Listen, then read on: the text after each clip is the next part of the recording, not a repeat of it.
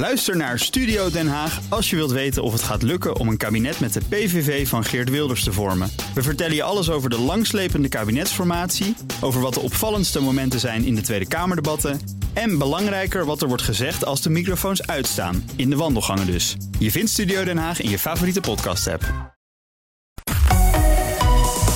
BNR Nieuwsradio. BNR breekt. Ivan Verrips.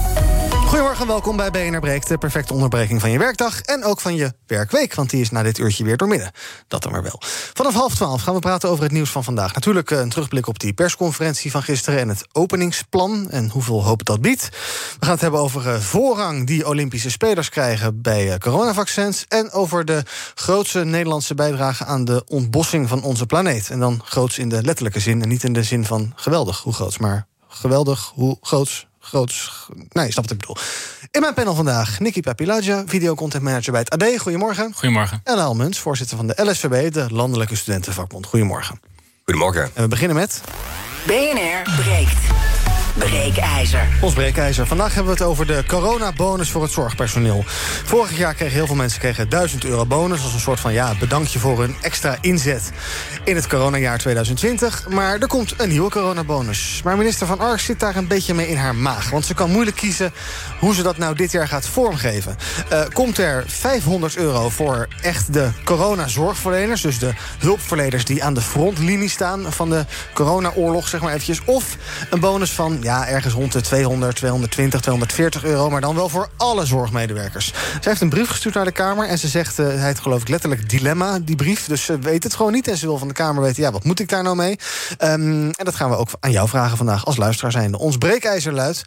schrap de zorgbonus, maar beloon het zorgpersoneel liever structureel beter. Want ja, zo'n zorgbonus, dat is natuurlijk wel aardig... maar is het niet ook een beetje een doekje voor het bloeden... en misschien ook wel een beetje gênant dat je zegt van... nou, goed gewerkt hoor, hier heb je een paar honderd euro extra. Hm, Oké, wil je reageren?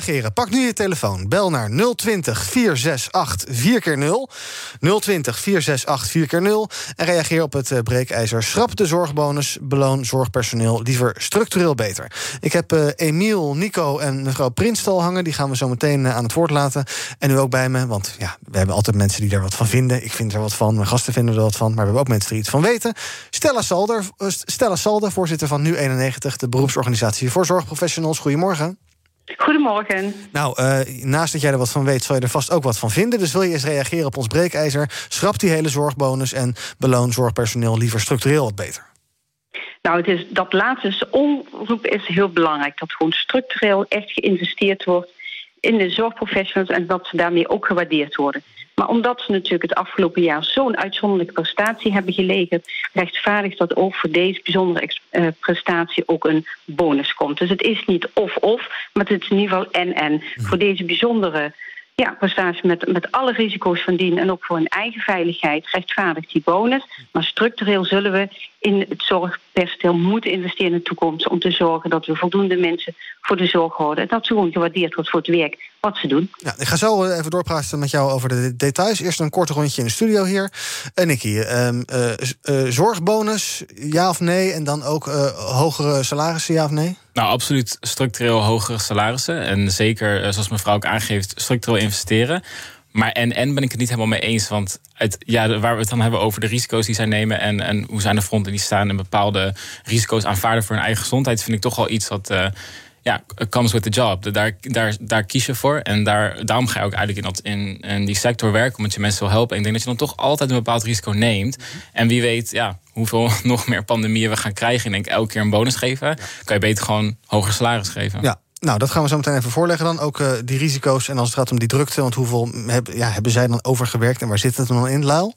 Ja, mijn moeder is verpleegkundige, dus ik durf niet anders te zeggen dan uh, en en. En uh, nou ja, structureel uh, de salaris verhogen, dat heeft natuurlijk ook te maken met een discussie die al wat langer speelt. Over dat de salarissen eigenlijk tekortschieten en dat er lang niet verhoogd is geweest. En die bonus, ja, dat hangt dan samen met de coronacrisis. Ja. Um, Stella, ik hoorde jou een paar dingen zeggen die ik interessant vond. Vorig jaar was er dus een bonus van 1000 euro. Dat is, ja. zou je kunnen zeggen dat dat een beetje is misgegaan? Dat was bedoeld voor mensen die veel met corona werkten, maar uiteindelijk is die voor veel meer mensen aangevraagd, toch? Ja, dat klopt. En we zien dat de toekenning op dit moment ook nog niet volledig is afgehandeld. Het heeft heel veel gedoe opgeleverd. Het was de bedoeling voor inderdaad mensen die in dat primaire proces zitten, patiëntenzorg doen en ook die extra inspanningen hebben geleverd ehm, in die coronatijd. Ja. En dan dit jaar uh, stelt Van Ark dus voor een boete van, of een boete, sorry, een bonus van 500 euro voor mensen die echt, ja, wat ik zei, aan de frontlinie staan. dat is dan dus de, de helft. Ja, hoe, hoe kijk jij naar dat voorstel wat zij zegt? Hè? 500 euro voor al die coronawerkers of 200 euro of ietsje meer, maar dan voor iedereen in de zorg? Nou ja, het lastige is, ze heeft gewoon 500 euro toegezegd aan de zorgmedewerkers vorig jaar in 2021. Mhm. Nou wordt het een financieel probleem, want het is, is gewoon een, een, een budgetprobleem. Mhm. En dan moet ze keuzes gaan maken. Nou, wij zeggen niet, je moet niet de keuzes maken tussen zorgmedewerkers en, en tussen sectoren die allemaal goed en hard gewerkt hebben. Mhm. Je moet gewoon het budget gaan ophogen dan. Uh, en het niet vervolgens leggen van oké, okay, nou, nou moet ik een keuze maken. Want je rechtvaardigt die keuze ook niet uh, als je dat gaat doen. Want dan ga je zorgen voor een, een, een dilemma tussen verschillende uh, zorgmedewerkers, of nou die zorg of geestelijke gezondheidszorg of in het ziekenhuis. Mm Ze hebben allemaal extra hard gewerkt. Mhm. Ze lopen al drie coronagolven op hun tandvlees. En dan kun je niet zeggen, nou als je dan in die sector werkt dan krijg je het wel en in de andere sector niet. Nee. En wat uh, Nicky net een beetje zei, ja, uh, risico's, uh, god, dat, nou ja, ik zal niet zeggen dat hoort er een beetje bij, maar ja, in de zorg is het nu even een drukke tijd en misschien is het een andere keer weer een drukke tijd in een andere sector. Ja, dat hoort ook een beetje bij je werk. Nou, het is meer dan druk. En uh, het zijn al drie golven hebben zij continu moeten opvangen, hun vrije tijd moeten inleveren en extra moeten werken. Mhm. Maar dat zijn onder gezwaarde omstandigheden geweest omdat, nou, laten we nog even het frissend geheugen. Het feit dat er geen testen voldoende waren. Het feit dat er geen voldoende beschermende hulpmiddelen waren. Dat ze toch zijn gaan werken, ondanks de risico's voor hun eigen veiligheid. Ook ten opzichte van hun familie. Ja, dat maakt de omstandigheden zo bijzonder. Daar we elke Nederland, laten we niet vergeten dat ze ook gewoon burger zijn. Elke Nederland afstand moet houden elke Nederland uh, thuis moet blijven of niet mag werken, moesten zij werken. En dat betekent dat je daar ook een keer dan extra iets tegenover mag zetten voor die bijzondere prestatie. Stella, luister even mee. Ik ga een rondje bellers doen. Als je ook wil reageren op ons breekijzer, schrap de zorgbonus. Beloon het zorgpersoneel liever structureel beter. Uh, pak dan nu de telefoon en bel 020 468 4 0 Dan zit je zometeen ook bij ons in de uitzending. 020 468 4 0 Emiel, goedemorgen.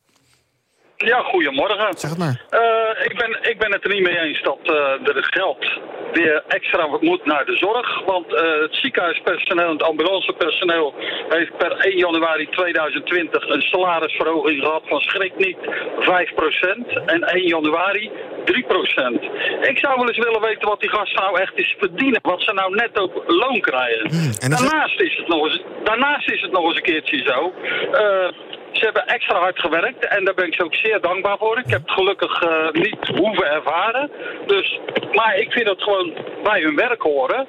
Plus, als zij overwerken, dan krijgen ze gewoon overwerk betaald. Het is dus niet dat ze extra hard gewerkt hebben en er niks voor betaald hebben. Nee, ze hebben extra hard gewerkt en er gewoon voor betaald gekregen. Het is geen vrijwilligerswerk. Dus, en, jij zegt dus inderdaad... Het is uh, geen vrij... Nee, en jij zegt dus inderdaad, ik ben benieuwd wat, wat die gasten verdienen. Naar welke, naar, welke, naar, naar welke beroep ben je dan gewoon specifiek? Is dat, ben je benieuwd wat een gemiddelde verpleger of verpleegkundige verdient? Of. Ja, ja. Kijk, want de mensen die dus in die verpleeghuizen werken, nou, die worden gewoon zwaar achtergesteld met, denk ik, met de mensen in het ziekenhuis. Maar dat is precies hetzelfde als in het onderwijs. Ze lopen allemaal te klagen dat ze zo weinig verdienen. Nou, laat dan die loonstrookjes eens zien. Laat het dan eens ten opzichte van het bedrijfsleven zien. We, we gaan uh, zo meteen niet aan stellen vragen of ze haar loonstrookje wil laten zien, maar we gaan wel even vragen wat uh, nou iemand in de zorg zo'n beetje verdient. En inderdaad, wat ook nou waar is van die 8%, want die heb ik ook gelezen. Mevrouw Prinsten, goedemorgen. Ja, goedemorgen. Ik vind dat zorgpersoneel structureel beter beloond moet worden om voldoende goed personeel te behouden voor de zorg. En dat er meer ruimte komt voor voorlichting aan patiënten om gezond te leren leven. Zodat de eigen verantwoordelijkheid van de patiënt ook is aan de orde komt. Ja, en zodat mensen zelf ook een beetje meehelpen door gezond te blijven en daardoor misschien die zorg wat te ontlasten. Duidelijk, dankjewel. Harry, goedemorgen. Harry? Hallo? Hallo? Goedemorgen. Zeg het maar. Ja, ik, uh, ik, heb eigenlijk, ik ben het eigenlijk niet mee eens. Mijn vrouw die werkt eigenlijk uh, in de zorg. Ja. Maar omdat ze opdrachtgever was uh, voor een ander bedrijf... moest ze wel de kamers gaan schoonmaken waar de coronapatiënten lagen en ook doodging. Ja. Maar omdat de opdrachtgever de zorg stikte om aan te vragen, konden ze dat niet krijgen. Nee. Dus ja, dat, oké, de- de- de- ik snap het. Je vindt het oneerlijk dat jouw vrouw dus die bonus niet gekregen heeft. Vind je op Ja, en dan gaan ze nou weer aan hetzelfde mensen gaan ze het weer geven. Dus Ja. dan moeten ze eerst de vergeten mensen moeten het eerst gaan geven, toch? Ja, oké. nou gaan we zo even vragen hoe het nou moet met de vergeten mensen en hoe groot dat probleem is. Ehm, ik doe nog even twee mensen nu en daarna gaan we eh, eh, nog even naar Stella ook in de studio praten. En daarna doen we nog een rondje bellers. Hidde, goedemorgen. Hidde, Ja, hallo. zeg het maar. Eh, alle onderdering voor alle mensen in de zorg. Eh, ik denk wel dat er verschillen zijn. En ook mevrouw Stella nuanceert op geen enkele wijze de beloningsverschillen eh, in de zorg. Er zijn grote verschillen. En ik ben het met meneer Emiel eens. Laat nou eens echt zien wat je bruto jaarsalaris is. En leg dat bijvoorbeeld eens naast mensen die werken bij de politie. Die onverwacht voor de meest beroerde omstandigheden komen. Die, als het tegen zit, eh, geweld moeten gebruiken. Niet weten wie er tegenover staat of ze wel of niet besmet zijn. En die zekerheid heeft men in de bescherming van een ziekenhuis of een verzorgingstehuis veel meer. En ik zou willen dat eh, ook de vakbonden iets meer nuance aanbrengen in die discussie. En er zullen er zeker bij zijn die meer moeten verdienen. Maar er zijn er ook die ten opzichte van andere beroepsgroepen echt een heel goed salaris hebben. Nou, duidelijk gaan we dan ook zo meteen even betrekken bij die vraag, eh, bij die vraag over dat salaris. En tot slot voor nu even Johan, goedemorgen. Johan, Hallo? hallo. Zeg het maar. Ehm, ik ben tegen een salarisverhoging. Eh, het Nederlandse vo- volk is er ook over geraadpleegd onlangs. Dat heet verkiezingen.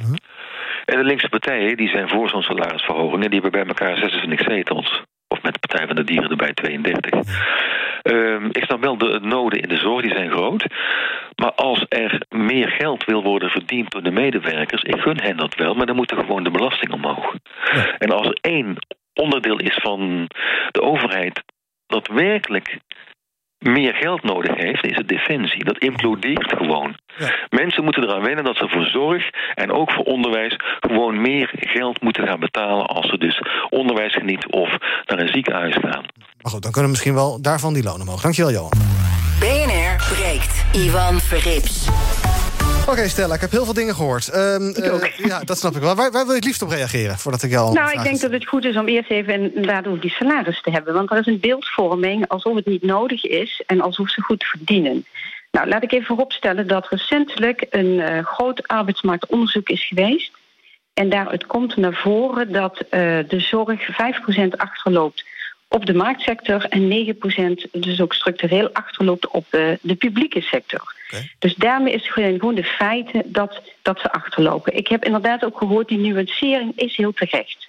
Want dat klopt. Niet iedereen in de zorg verdient niet goed. Dus we praten over 1,4 miljoen zorgmedewerkers. En waar we nou over die achterstand hebben, dat heeft voornamelijk te maken eh, op bepaalde schalen. En die zitten heel erg in de verzorgende, verpleegkundige beroepen, eh, sociale hoge begeleiders. Dus dat is een bepaalde ondergrens van schaal. We noemen dat schaal 35 tot schaal 65.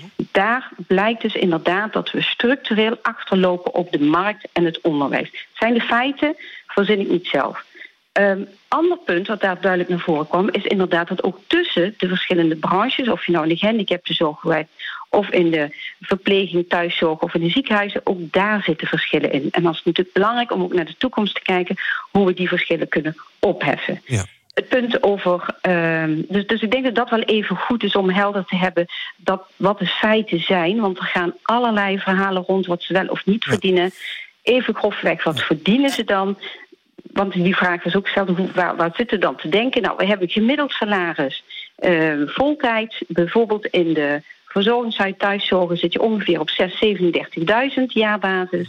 En in de ziekenhuis en de gehandicaptenzorg gaat het omhoog naar ongeveer 46, 47.000. Dus dat zijn niet hele grote salarissen. Nee, dat is modaal en iets boven modaal. Ja, klopt. Afhankelijk een beetje waar, waar je inschaalt, welke sector en wat je opleidingsniveau ook is. Even vragen aan, eh aan Lau. Hoe, hoe, hoe beoordeel jij die salarissen?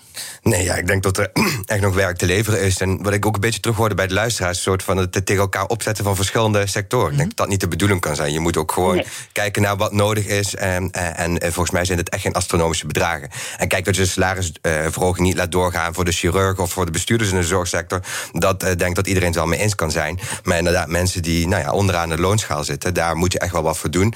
En het zijn problemen die, zoals uh, luisteraars ook terecht zeggen, terugkomen in verschillende delen van de publieke sector. Dus er is ook een probleem met de docenten, in het onderwijs, met de politie, et cetera. Ja. Uh, Nicky, Johan, die zei net aan de telefoon: ja, de verkiezingen zijn geweest. er is rechts gekozen, zou je misschien kunnen zeggen. Dus ja, rechtspartijen willen het niet. Dus nou, geen, geen, geen verhogingen dan. Nou, ik vond zelf zorg niet echt een groot onderwerp in deze verkiezingen. Dat kwam bijna niet naar voren. Dus ik vind dat heel onterecht om te zeggen: het mhm. volk heeft gekozen. Want dan kunnen we dat over elk onderwerp zeggen, mhm. dat daar niet genoeg stemmen voor zijn gekomen. Dus ik denk zeker dat, het, dat je moet kijken naar welke plannen er liggen en hoe partijen er tegenaan kijken. En dat is zeker geen afspiegeling van wat de, ja, de, de bevolking vindt. Ja. En als ze dat gaat doen, dan vind ik dan moet je kijken naar de mensen die in de zorg werken. Dus die 1, nog wat miljoen mensen, wat zij dan vinden. Want dat zegt dan toch iets meer over hun eigen beroep en waar, waar zij behoefte aan hebben. Maar die zullen natuurlijk snel vinden dat hun salaris omhoog moet, denk ik. Dat vind ik namelijk ook. Ja, nee, dat snap ik. Dat zou ik zelf ook vinden. Maar ik denk dat het toch. Uh, ja, ik vraag me af, wordt er bijvoorbeeld in die bonus ook maatwerk geleverd? Want mhm. krijgt een chirurg ook een even hoge bonus als een verpleegkundige? Ja, dat weet Stella, geloof ik wel. Ik geloof dat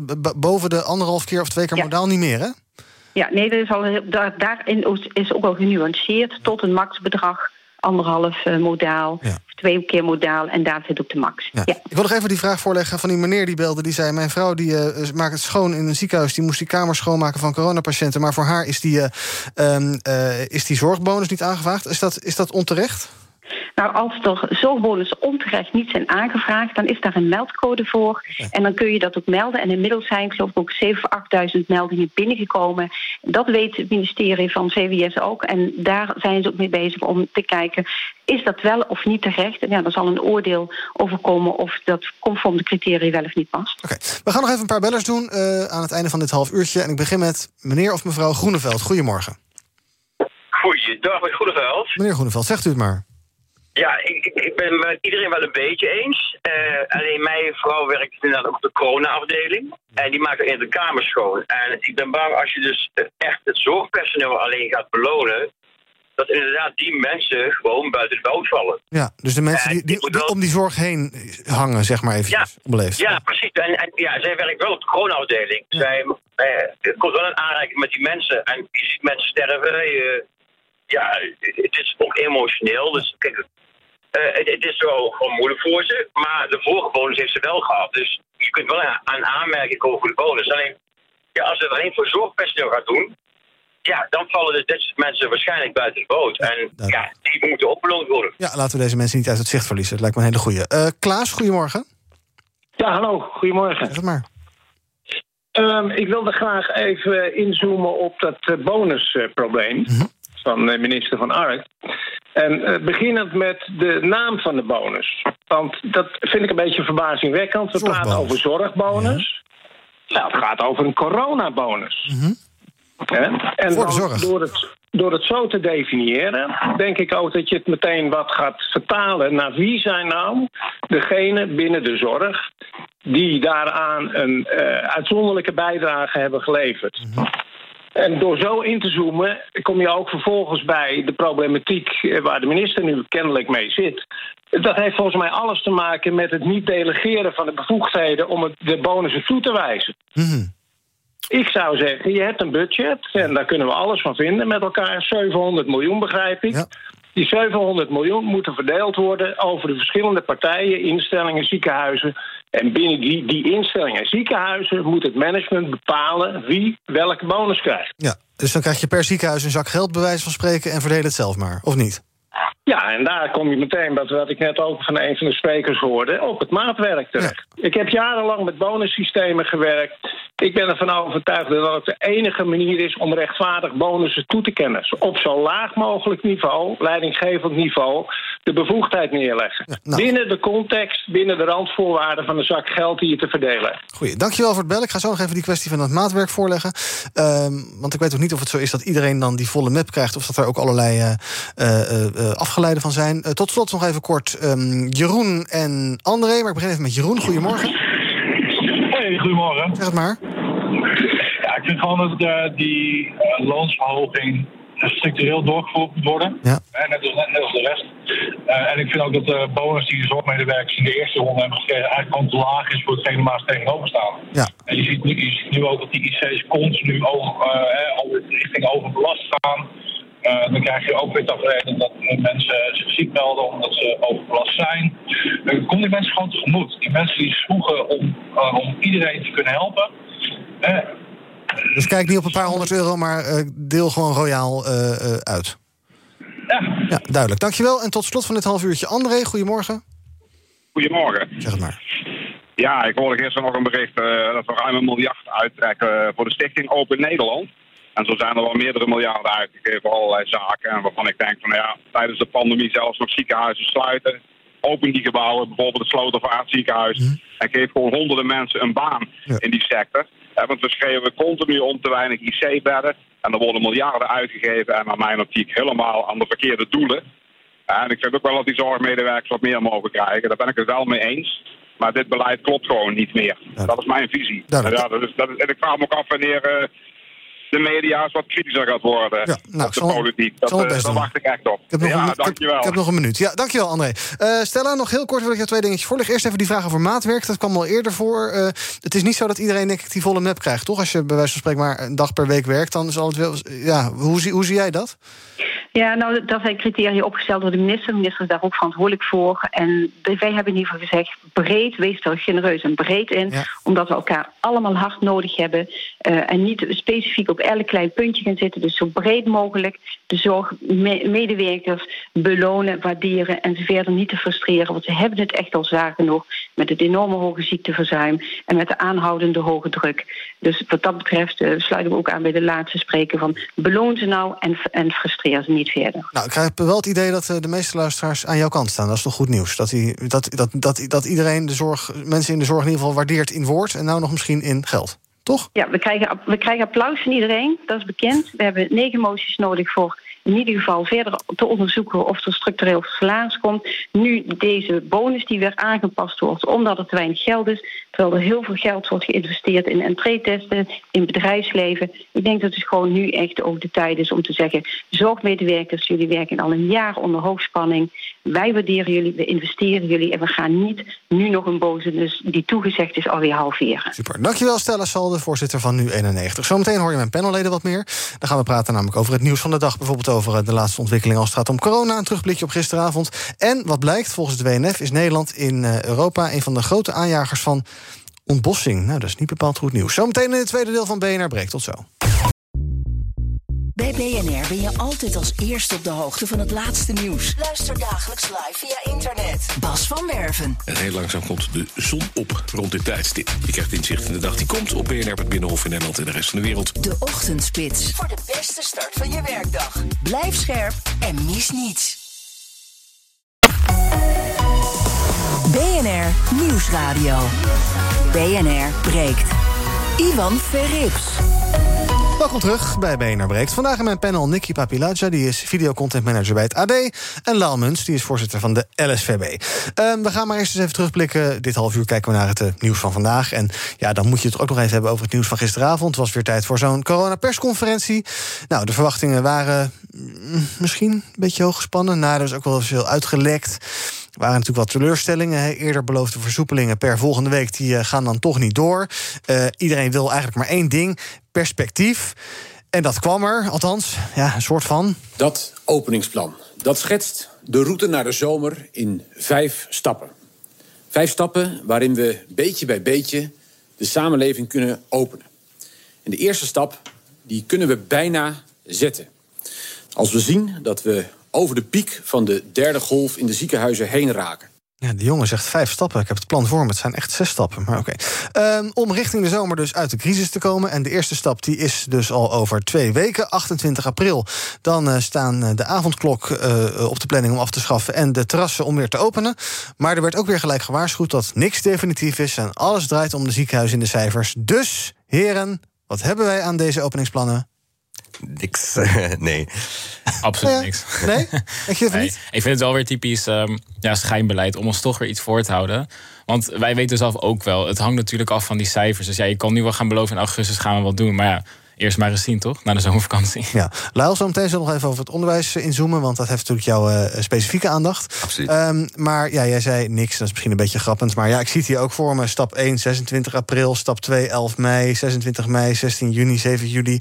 Um, heeft het kabinet nou niet geleerd van teleurstellingen met data noemen? Dat is, het is toch heel onhandig? Ja, ik vind het ook een beetje onhandig. Vooral ook de eerste datum is nog vrij eh, dichtbij. Ik kan me eigenlijk, niet, eigenlijk bijna niet voorstellen dat je dan al eh, de situatie zodanig veranderd is. Dat je plotseling de avondklok en de, de horeca open en et cetera. Nou, dat heb je meteen een hele reeks. Hoger onderwijs zou dan ook nog net daarvoor nog even geopend kunnen worden. Eh, dus dat is denk ik misschien iets te veel op hetzelfde moment. Maar goed, ik ben niet degene die zal pleiten voor maatregelen afschaffen. Maar, en niet afschaffen. Maar ja, ik denk dat je het een beetje voorzichtig aan moet doen. En, en dat je ook realistische data moet geven. Dus dat je misschien wat verder in de tijd kan kijken. Ja, want Nick, hoe werkt dat in jouw hoofd? Als ik die data hoor, en dat was natuurlijk uh, anderhalve week geleden ook... dat je heel erg de datum van 21 april in je hoofd... ja, daar zat vast ook wel een bijzinnetje bij van... ja, mits de cijfers het Ja, toelaten. maar die lezen we niet. Nee, die vergeet nee, je toch ik heb ze al mijn agenda staan. Nou ja, ik eh, ga 28 april op het terras zitten. Ja, en dan zal je zien, gaat het niet door de dag van tevoren. En dan eh, hang ik weer eh, op social media... lik iedereen eh, Ja. voor alles uit te maken. Ja, Hugo de Jonge kan niks, die hashtag. Ja. Maar eh, zeg je dan van doe dit dan niet en eh, stuur op die ziekenhuiscijfers... wat natuurlijk allemaal minder concrete en minder sexy cijfers Nou, ik, snap wel waarom ze het doen. Want dat is natuurlijk waar we eigenlijk altijd om schreeuwen. We willen perspectief. Alleen die data zijn heel onlogisch. Want je kan niet vooruitkijken en zeggen... nou, in juni op die precieze dag... dan moet het wel goed zitten. Want zoals ze zelf al zeggen, het hangt allemaal af van de cijfers. Dus geef dan nog meer context. Want je begint eerst met het plan... en daarna doe je alle kleine lettertjes. Maar Mhm. mensen haken al af naar het plan. Dus dan weten we niet meer eens wat die kleine lettertjes zijn. Nee, aan de andere kant wat natuurlijk wel meespeelt... is dat het, eh, als het goed is, ooit een keer een soort van warmer zou gaan worden. Een soort voorjaarachtig iets. Nou, dat weet Niet je ook nooit. Nu, maar misschien komt dat nog. Dat speelt ook wel mee in de virusverspreiding. Dus misschien dat dat wel iets van hulp biedt, ook in Den Haag. Dat ze denken van, nou ja, we weten in ieder geval zeker dat het warmer wordt. Ja. warmer dan nu. Eh, ja, misschien helpt dat iets mee.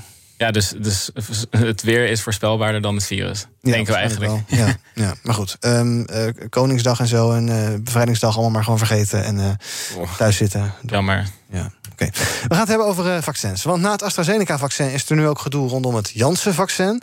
Nadat er in de VS een aantal zeldzame trombosegevallen voorkwamen na vaccinatie, is de uitrol van ook dat vaccin ook in Europa stilgelegd. Ehm, toevallig hebben wij al een paar eh, tienduizenden doses ergens liggen in een magazijn, 80.000 geloof ik. En eh, ja, een prikstop dus in ieder geval tijdelijk. Dat is natuurlijk sowieso een domper, maar met dit vaccin is het extra zuur, want het is een one-shot vaccine, oftewel één prik en je bent klaar. Ehm, ja, dit helpt natuurlijk niet heel erg mee in het vertrouwen in die vaccins. Eh Luil, snap jij de voorzichtigheid van het ministerie? Ook als je in je achterhoofd houdt dat ja, eh, de, de, de EMA, maar ook de Wereldgezondheidsorganisatie in die kwestie rondom AstraZeneca eigenlijk altijd heeft gezegd: prik maar door, want de voordelen wegen echt op tegen de nadelen. Ja, ja, het is een beetje moeilijk hè, om daar als eh, burger een oordeel over te vellen. Omdat je natuurlijk ook een gezondheidsraad hebt die dan weer wat anders zegt. En eh, volgens mij is er ook nog een apart Ja, orgaan. Dat gaat CBG over geneesmiddelen. Nou, Ja, precies. ja, precies. En iets over met bijwerkingen, Ja, een orgaan, dat daar dan weer wat over vertelt. Nou goed, ik heb allemaal afkortingen geleerd dit jaar. Maar ehm, kijk, wa- wat ik denk is dat je burgers, dat het goed is dat burgers eerlijk geïnformeerd worden. Want er is ook best wel, sowieso was er al wel wantrouwen tegen vaccins. Dus het zou niet goed zijn om te zeggen, eh, dit soort, eh, om dit soort situaties een beetje eh, niet, niet te benoemen. Want eh, dan eh, kan je het wantrouwen alleen maar groter maken. Eh, maar of je dan meteen moet stopzetten, ja, ik vind dat wel een hele moeilijke pil om te slikken. Ja. Zeker gezien die, dat behoefte aan een perspectief. En ik zou zeggen van op zijn minst mensen de keuze geven Ja, om eh, dat te nemen. Weet je, als jij gewoon geïnformeerd bent over de risico's, en die risico's zijn zeer beperkt, en jij hebt daar geen probleem mee, ja, weet je, bij mij mogen ze erin zetten hoor. Dus eh, Mhm. Dan is dat voor mij alleen maar winst. Ja, tot je dan dus later misschien zeldzame trombose, trombose krijgt. Ja, dan heb ik. maar dan is het mijn. Ja. Dan heeft de dokter mij daarop gewezen. En dan heb ik gezegd: Nou, dat vind ik een acceptabel risico, wel of niet. Ik stap in de ochtend ook in een auto. Of ik doe andere dingen die risicovol zijn. Nou, dit risico wil ik ook nemen. Dat is mijn eigen keuze. Ja. En daar gaat het om. En als ik het dan niet wil, ja, dat, eh, dat, kan, ook, eh, dat kan natuurlijk ook in orde zijn. Dan hoef ik het niet te nemen. Maar Ja. dan. eh, Nicky, Nicky, ik zie jou heftig knikken als we bij jou nu AstraZeneca of eh Janssen Oh, aanbieden. Ja. Maar dan zou je, ja, je zou dus überhaupt doen. Ja, je mag me s'nachts wakker bellen. Ik, heb Ja. zelfs al mijn huisarts gebeld. En ik sta volgens mij nu op zo'n reservelijst... voor als er ooit een keer vaccins over zijn. Dus ik had al gezegd, ja, je mag mij echt 24-7 bellen. Ik Ja. woon naast de huisarts, dus ik Binnen kom vijf minuten ben je er? Ja, Ja. je mag het ook meerdere zetten als je over hebt. Ik vind dat echt geen probleem. Ja.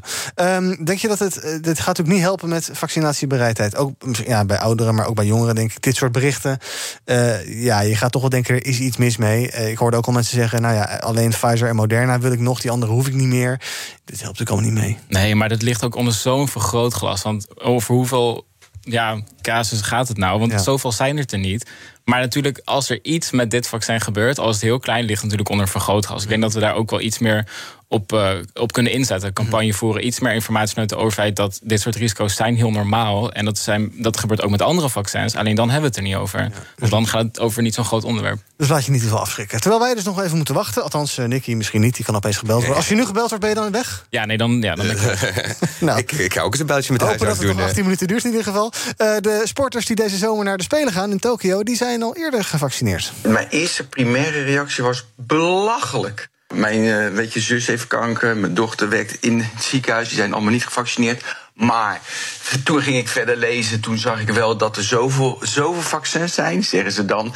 En dat er ook andere groepen eerder gevaccineerd worden. Dus mijn zus en mijn dochter komen ook eerder aan de beurt. En het zijn maar 200 sporters. Toen dacht ik, ja, in de nuance dan, oké, nou ja, ik accepteer het maar. Nou, Ben van den Burg die was in uh, 25 minuten, 5 eh, seconden was die om. Uh, oud topschaatser. Um, ja, deze zomer dus de Spelen in Japan gehouden. Beginnen op 23 juli.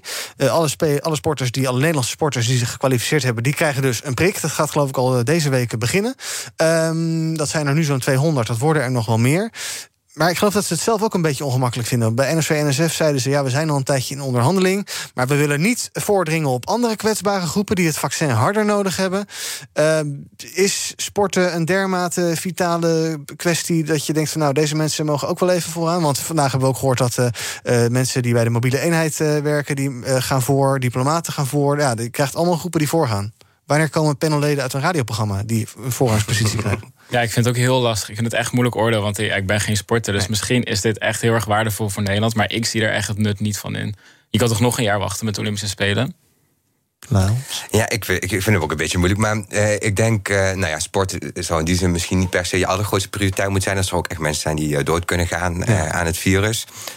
Ik denk wel, als je zo'n massa-evenement gaat organiseren, dan, ja, als dat toch doorgaat, dan is het wel best dat de mensen die daar naartoe gaan ook een beetje veilig zijn. Dus niet zo van ja. internationaal superspread event krijgt. Ja, ja dus, toch, dus dan misschien toch maar wel. En het is natuurlijk eens in de vier jaar. Mensen halen daar heel veel ik niet. Plezier uit door daar naar te kijken en daarvan te genieten. En dan is het wat jou betreft misschien toch wel waard. Maar, als ik... maar we kunnen toch ook, volgens mij is het toch ook bewezen dat we succesvol met sneltests kunnen werken. Ook op mhm. dat soort massa-evenementen. Ik denk, zet dan daarop in, massaal, dat iedereen gewoon goed getest is en continu getest wordt. Ja, nou, dat is wel een leuke vraag. Want uh, we gaan dus ook die field labs gaan we opschalen. Hè. Ik geloof uh, een paar dagen voor Koningsdag, dan komt er een evenement van 538 in Breda. Een soort pre-Koningsdag evenement waar 10.000 man naartoe gaat. Dat gaat ook met van die sneltests gebeuren.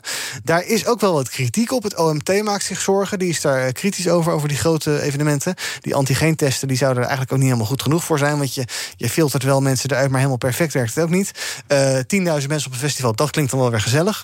Maar gaan we dan hier misschien te snel mee of niet? Of? Ja, dat vind ik wel. Want uh, als ze, volgens mij had ik laatst gelezen dat ze zeggen... Deze, al deze testevenementen kunnen leiden tot een hoger uh, ja, aantal besmette mensen. Wat dan weer gaat zorgen dat we niet onze exitkaart kunnen uitvoeren. Mhm denk, doe het dan niet. Laten we dan lekker op het terras gaan zitten. Want die 10.000 mensen zit ik waarschijnlijk niet in. Nee. Dus dan word ik daar uiteindelijk ook door benaderd dat daar meer besmettingen gaan plaatsvinden. Ja.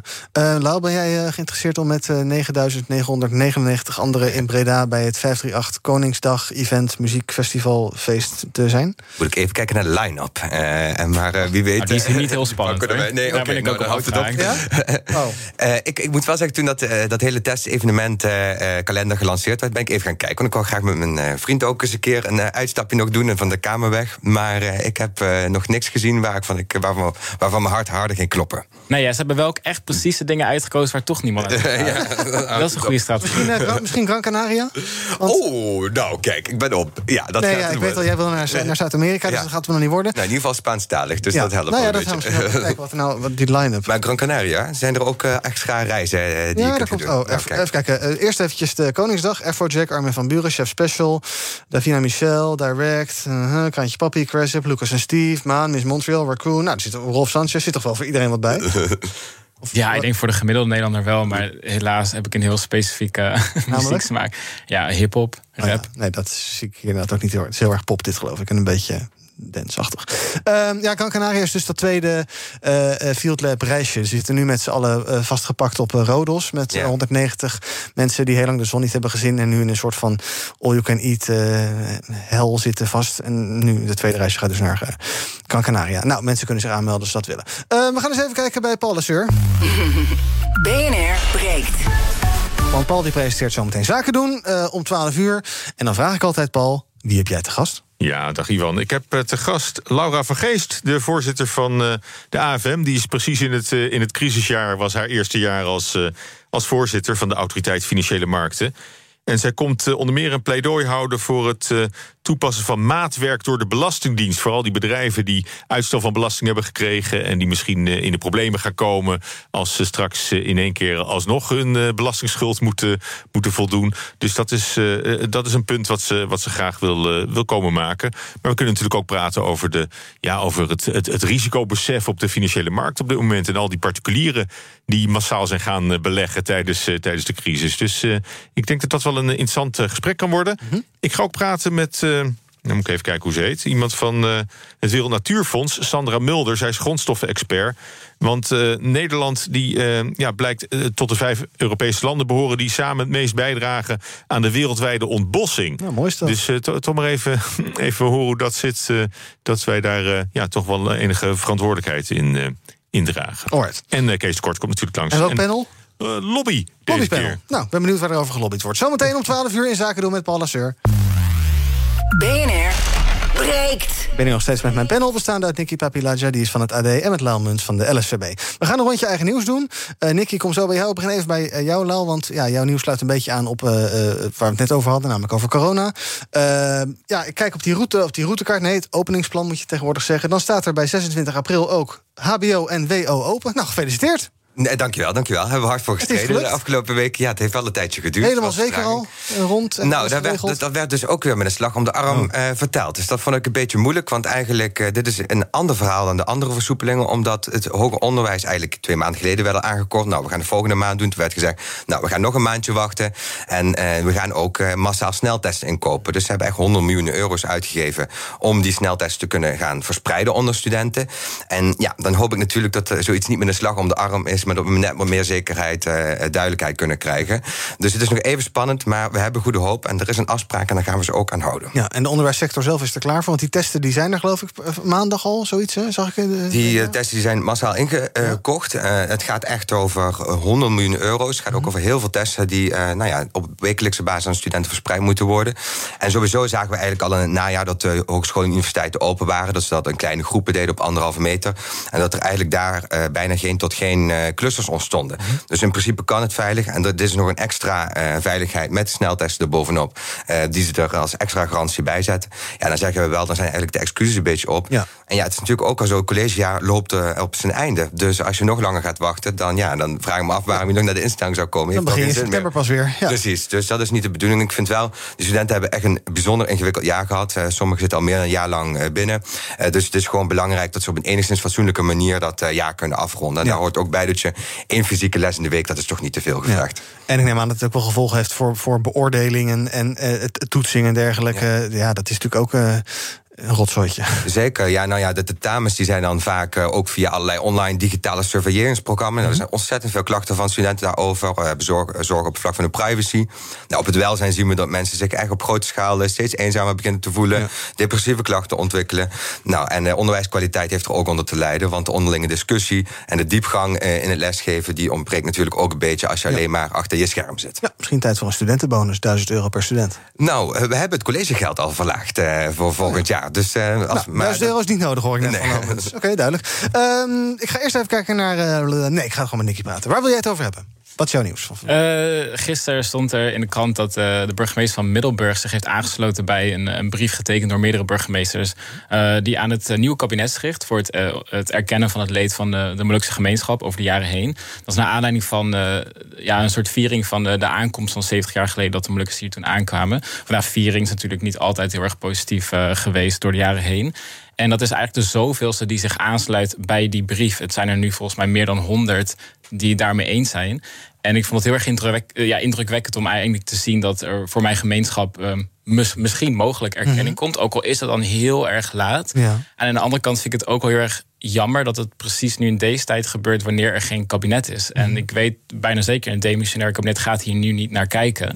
Dat valt gewoon even niet op hun bordje van prioriteit is. Dan gaat dat nog langer wachten. En in een regeerakkoord gaat het ook niet komen? Absoluut niet. Nee, nee, dat, is heel, dat is natuurlijk heel ingewikkeld met uh, de, ja, de verhoudingen mhm. naar Indonesië toe om zoiets op nationaal niveau te gaan erkennen of mee te betrekken in de regeerakkoord. Dat gaat helaas niet gebeuren. Ik ben daar best wel cynisch over. Maar dit is toch een soort van sprankje hoop voor mensen die eigenlijk al zo lang wachten op de erkenning voor alle pijn die zij generaties lang hebben moeten ervaren. Ja, en um, ik denk dat dit bij heel veel mensen niet heel erg top of mind zit, hoe dat nou zit met, met Molukkers. En, ja.